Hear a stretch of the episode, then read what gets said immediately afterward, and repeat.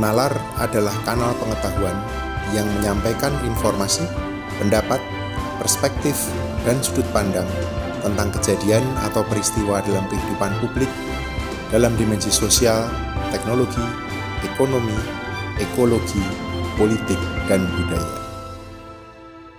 Selamat datang di kanal Nalar, mencari makna dalam peristiwa.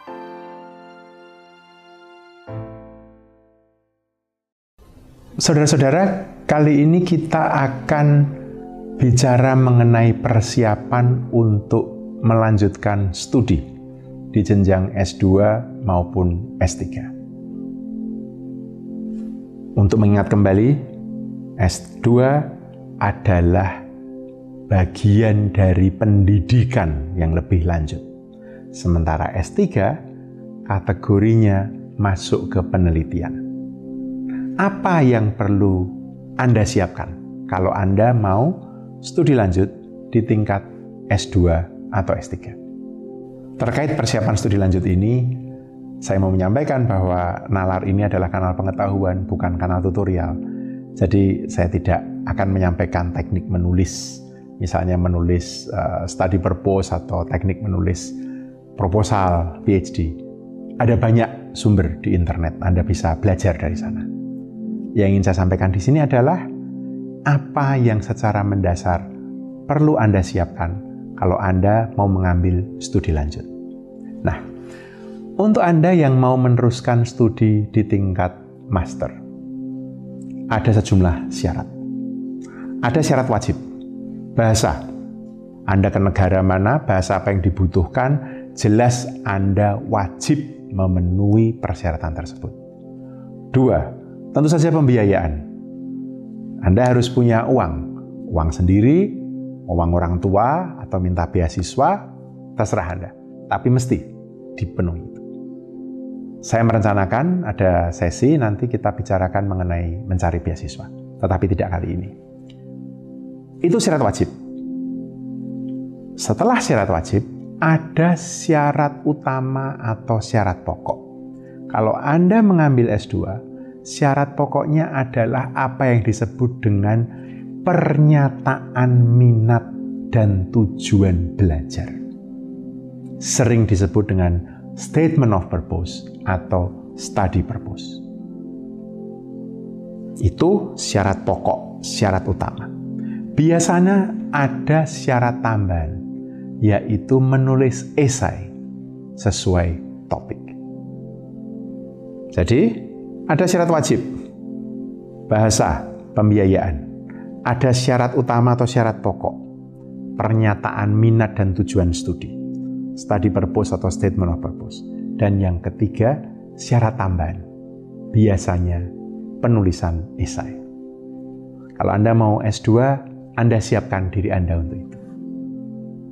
Nah, ketika Anda menulis study purpose atau statement of purpose dan esai, Anda mesti menunjukkan minat. Dan minat ini bisa minat akademis, bisa minat praktis. Mengapa Anda mau mengambil S2? Ini penting untuk menunjukkan kepada komite yang menseleksi lamaran Anda untuk S2, mengapa Anda harus diterima di antara sekian banyak pelamar, mengapa mesti ada yang diterima? Dan ini makin penting, terutama bagi Anda-Anda yang berubah jalur. Misalnya S1 Hubungan Internasional, S2 mengambil Information Technology misalnya. Apakah ada? Ada. Saya pernah mendampingi seorang mahasiswi S2 dari Indonesia yang mengambil S2 lanjut di Inggris S1-nya hubungan internasional, S2-nya mengenai data and society. Bisa, bukan tidak bisa. Tetapi yang penting ketika Anda menuliskan statement of purpose, menuliskan study purpose, Anda bisa menjelaskan mengapa saya mau belajar ini.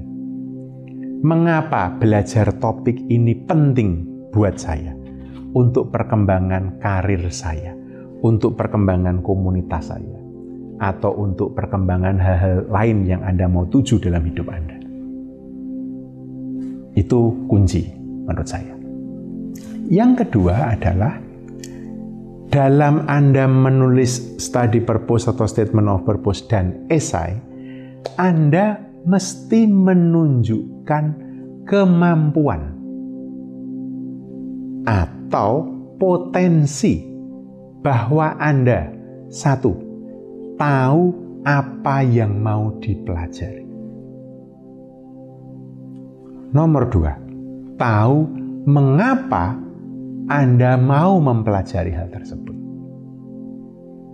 Dan yang ketiga, paling penting bahwa Anda menunjukkan bahwa Anda bisa mampu menyelesaikan studi itu. Dan ini akan terkait dengan dua hal besar, karakter dan kompetensi. Saya ulangi ya, ketika Anda menulis statement of purpose atau study purpose, Anda menunjukkan minat.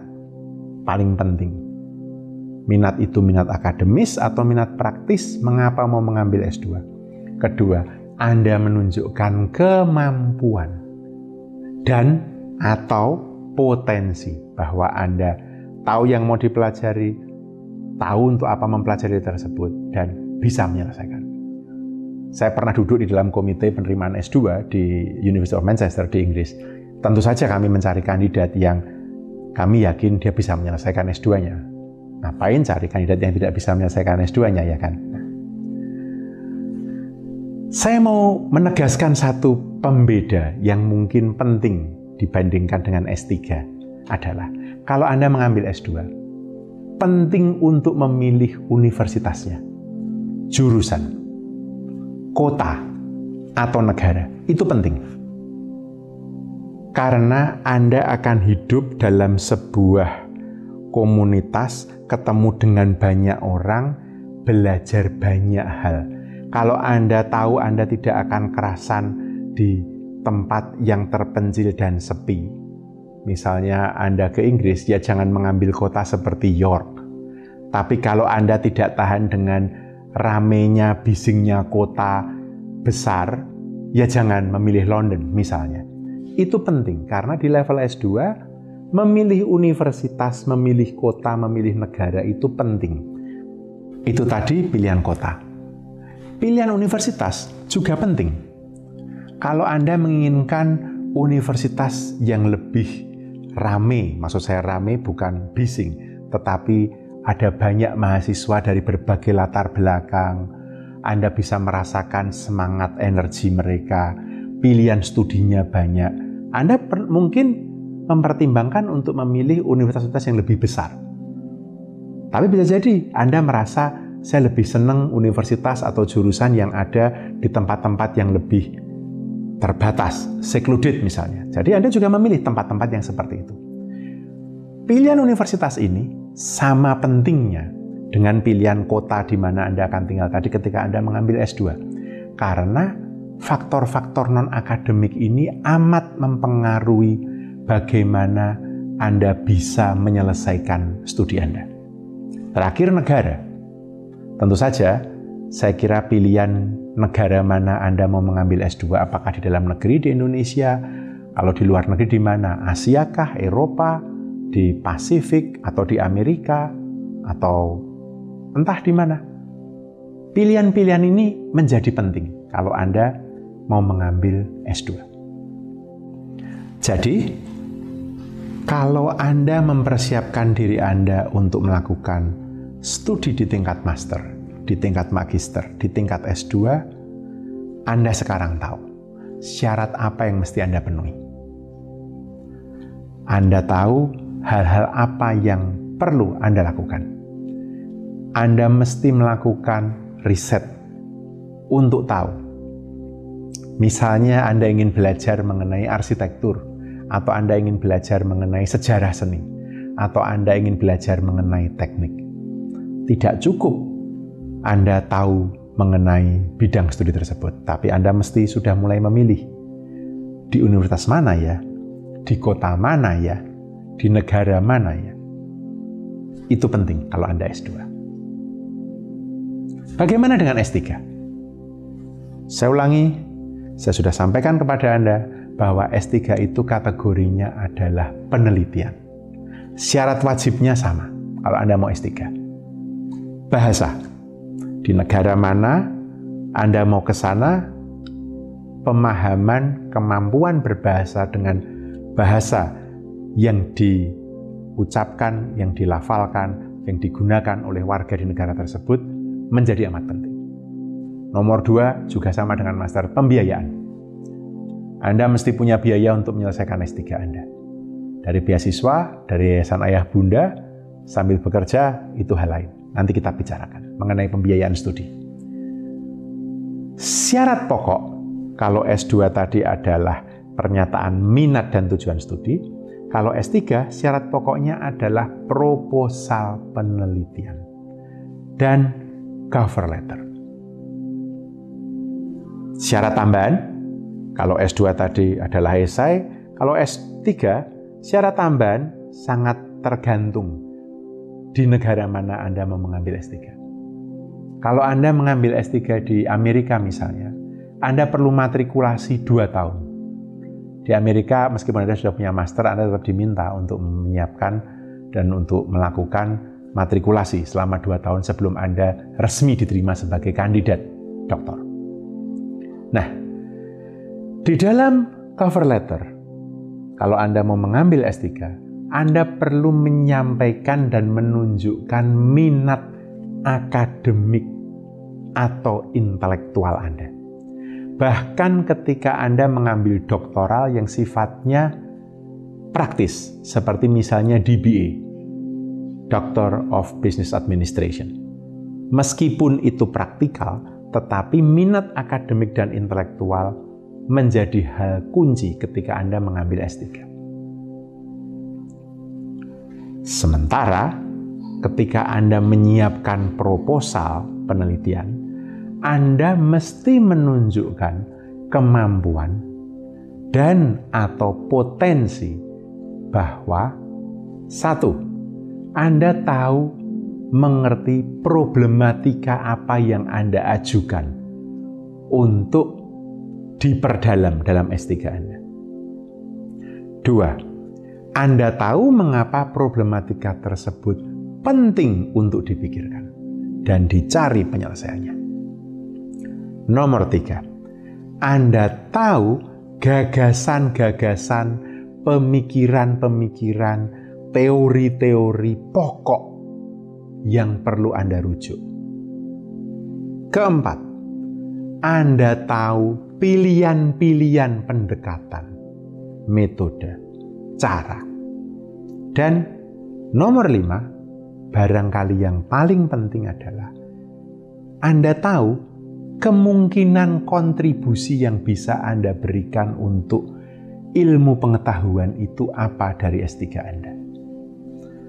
Jadi memang S3 ini, kalau saya boleh bilang, entirely different game dibandingkan S2. Bukan hanya karena waktunya lebih panjang, S3 bisa 3, 6, sampai bahkan lebih, mungkin 8 tahun.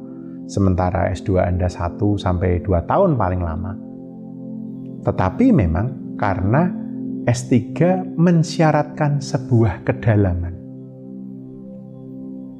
Selain itu, S3 atau studi di tingkat doktor meminta ada kebaruan, novelty. Kalau Anda mau S3, Anda akan dan harus siap ditanya, apa novelty? Apa kebaruan studi Anda? Pasti. Dan kebaruan ini bisa menyangkut topik, ini hal yang baru sama sekali. Bisa menyangkut metode, artinya metode itu ada penelitian sebelumnya menggunakan metode ini, eh, kemudian Anda melakukan penelitian mengenai hal yang sama, metodenya Anda ubah. Jadi kebaruan dalam metode. Atau konteks.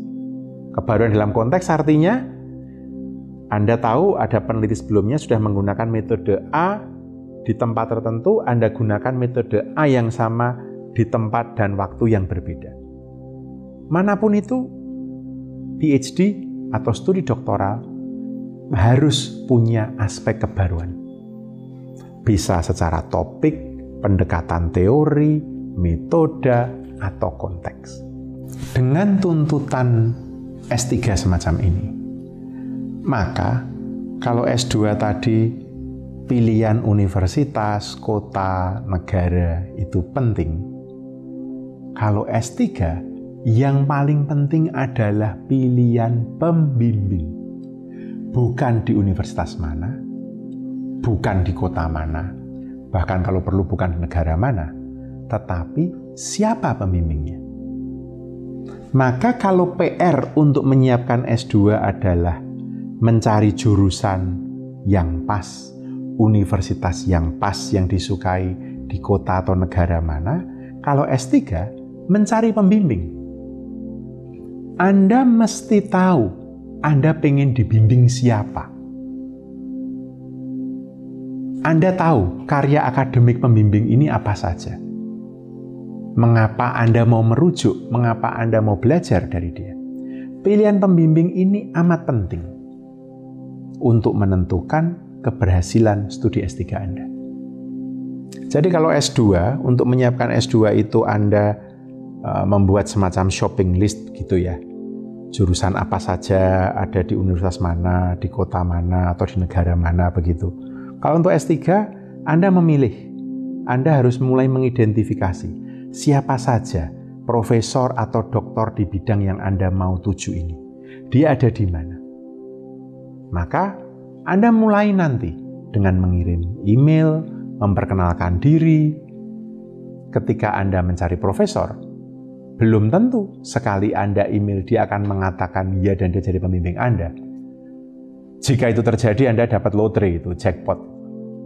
Yang terjadi kebanyakan adalah para kandidat atau mereka yang mau belajar S3 itu mengirim email kepada 10 atau 15 profesor. Dari 10 atau 15 profesor yang dikirimi email itu, 5, 3 yang akan menjawab. Dari tiga itu nggak ada atau satu yang akan mengatakan, baik saya mau berminat menjadi pembimbing. Baru proses panjangnya kita mulai. Jadi, sekali lagi, kalau Anda mau menyiapkan studi doktoral, anda tahu PR-nya. Kalau Anda mau menyiapkan studi master, Anda tahu PR-nya. Saya ingin menambahkan sedikit khususnya bagi Anda yang ingin meneruskan di jenjang doktoral.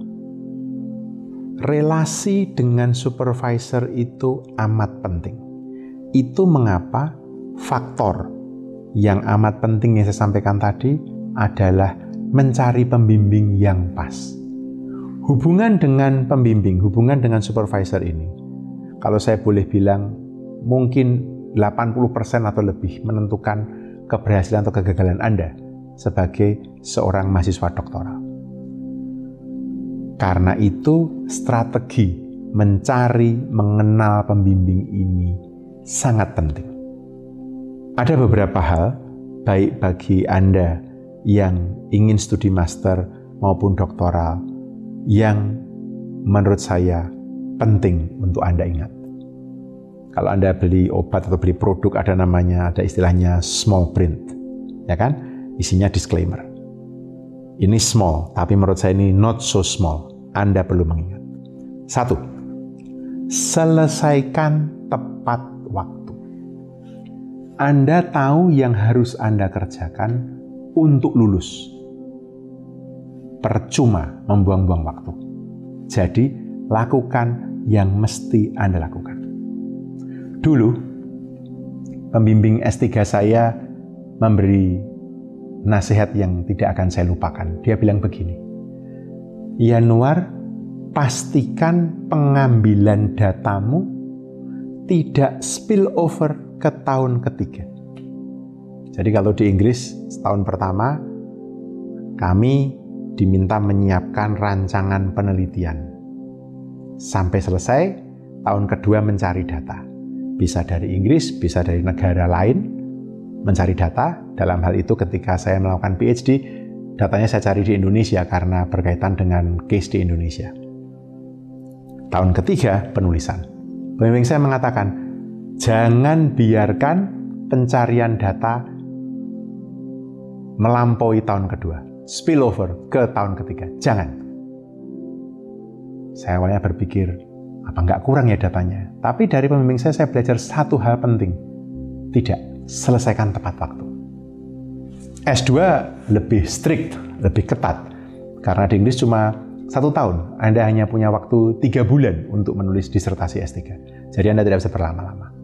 Semua pri nomor satu, selesaikan tepat waktu. Small print nomor dua, S2 itu terkait dengan praktikalitas, ilmu, metode, teknik, cara baru. Kejar itu. Sementara S3 itu terkait dengan cara berpikir, pendalaman, metodologis. Bagaimana data dicari dan digunakan. Jadi Anda ngerti? Saya pernah ditanya, PhD yang baik itu seperti apa, Mas? Saya bilang, a good PhD is a completed one. Sebuah studi doktoral yang baik adalah studi doktoral yang selesai. Sampai saat ini saya masih membimbing mahasiswa PhD. Ketika saya bertemu dengan kandidat yang mau saya bimbing, saya selalu bertanya, kenapa mau membuat PhD? Kenapa mau studi doktoral? Dan biasanya para kandidat tersebut akan datang kepada saya dengan jawaban yang berbunga-bunga, jawaban yang penuh keluhuran.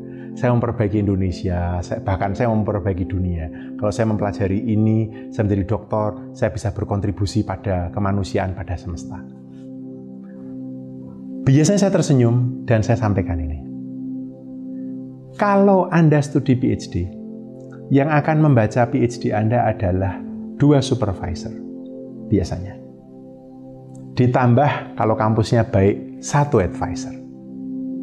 Lalu ketika diuji, ada dua penguji. Satu internal, satu eksternal. Dua examiner. Kalau lulus, PhD-nya bagus, dipublikasikan dalam jurnal, maka orang keenam yang membaca adalah desk editor jurnal tersebut. Kalau lolos desk editor, kemudian direview, jurnal yang bagus, tiga reviewer. Sembilan orang yang membaca PhD Anda. Dipublikasikan, dibaca mendalam oleh berapa? Lima orang? Dirujuk? 14. Oke, katakanlah 20. 20 orang dari tujuh setengah miliar manusia di bumi ini yang akan membaca PhD Anda. Jadi, saya akan bilang pada kandidat tersebut, Anda pulang, Anda renungkan lagi. Anda mau mengubah dunia lewat PhD Anda, Anda cari pembimbing lain. Saya nggak mau. Saya mau mencari kandidat doktor yang punya rencana penelitian yang doable, bisa dikerjakan, bisa diselesaikan. Perkara mengubah dunia atau mengubah Indonesia atau mengubah masyarakat itu urusan nanti. Bahkan PhD terbaik tidak akan dibaca lebih dari 50 orang di dunia ini. Saya tidak bermaksud mendemotivasi Anda, tapi saya mau bicara kenyataan. Kalau Anda mau menyiapkan PhD, Anda mau sekolah, Anda mau studi doktoral, Anda mesti datang dengan sebuah rencana yang solid, rencana yang utuh, rencana yang Anda tahu ada awalnya, ada akhirnya. Anda mengerti bagaimana rencana tersebut bisa Anda selesaikan. Yang Anda lakukan dengan PhD bukanlah mengubah dunia. You are not changing the world through your PhD. Instead, what you are doing is making a dent. Membuat sebuah lekuan. Bayangkan ini sebuah permukaan yang mulus, lalu Anda ketuk. Tuk begitu. Lalu ada lekuan di sini. Itu PhD. That is what you are doing. Pushing the boundary of knowledge. Anda mendorong batas-batas ilmu yang bisa Anda lakukan dalam rentang kemampuan yang bisa Anda kerjakan. Sebuah PhD yang baik bukan PhD yang ambisius mau mengubah dunia, tapi PhD doktoral yang bisa diselesaikan. Terima kasih sudah mendengarkan podcast ini. Semoga kita bisa menemukan makna dan pemahaman yang lebih dalam bersama Natal.